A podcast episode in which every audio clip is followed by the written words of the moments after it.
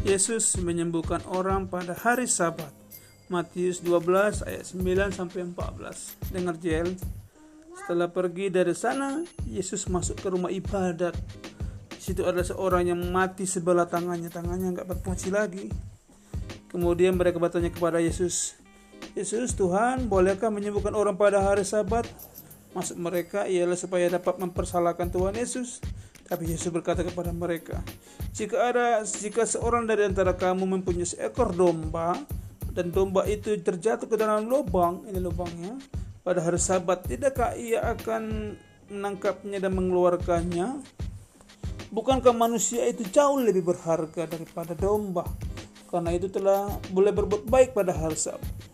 Lalu kata Yesus kepada orang itu, ulurkan tanganmu dan ia mengelurkannya, maka pulihlah tangan orang yang lumpuh itu dan menjadi sehat seperti tangan yang lain. Lalu telah keluar orang-orang Farisi itu dan bersekongkol. Ih, ayo kita bunuh dia, kata orang-orang Farisi. Orang Farisi tidak senang sama Tuhan Yesus. Mereka selalu berusaha untuk memenangkap, bahkan membunuh dia. Amin.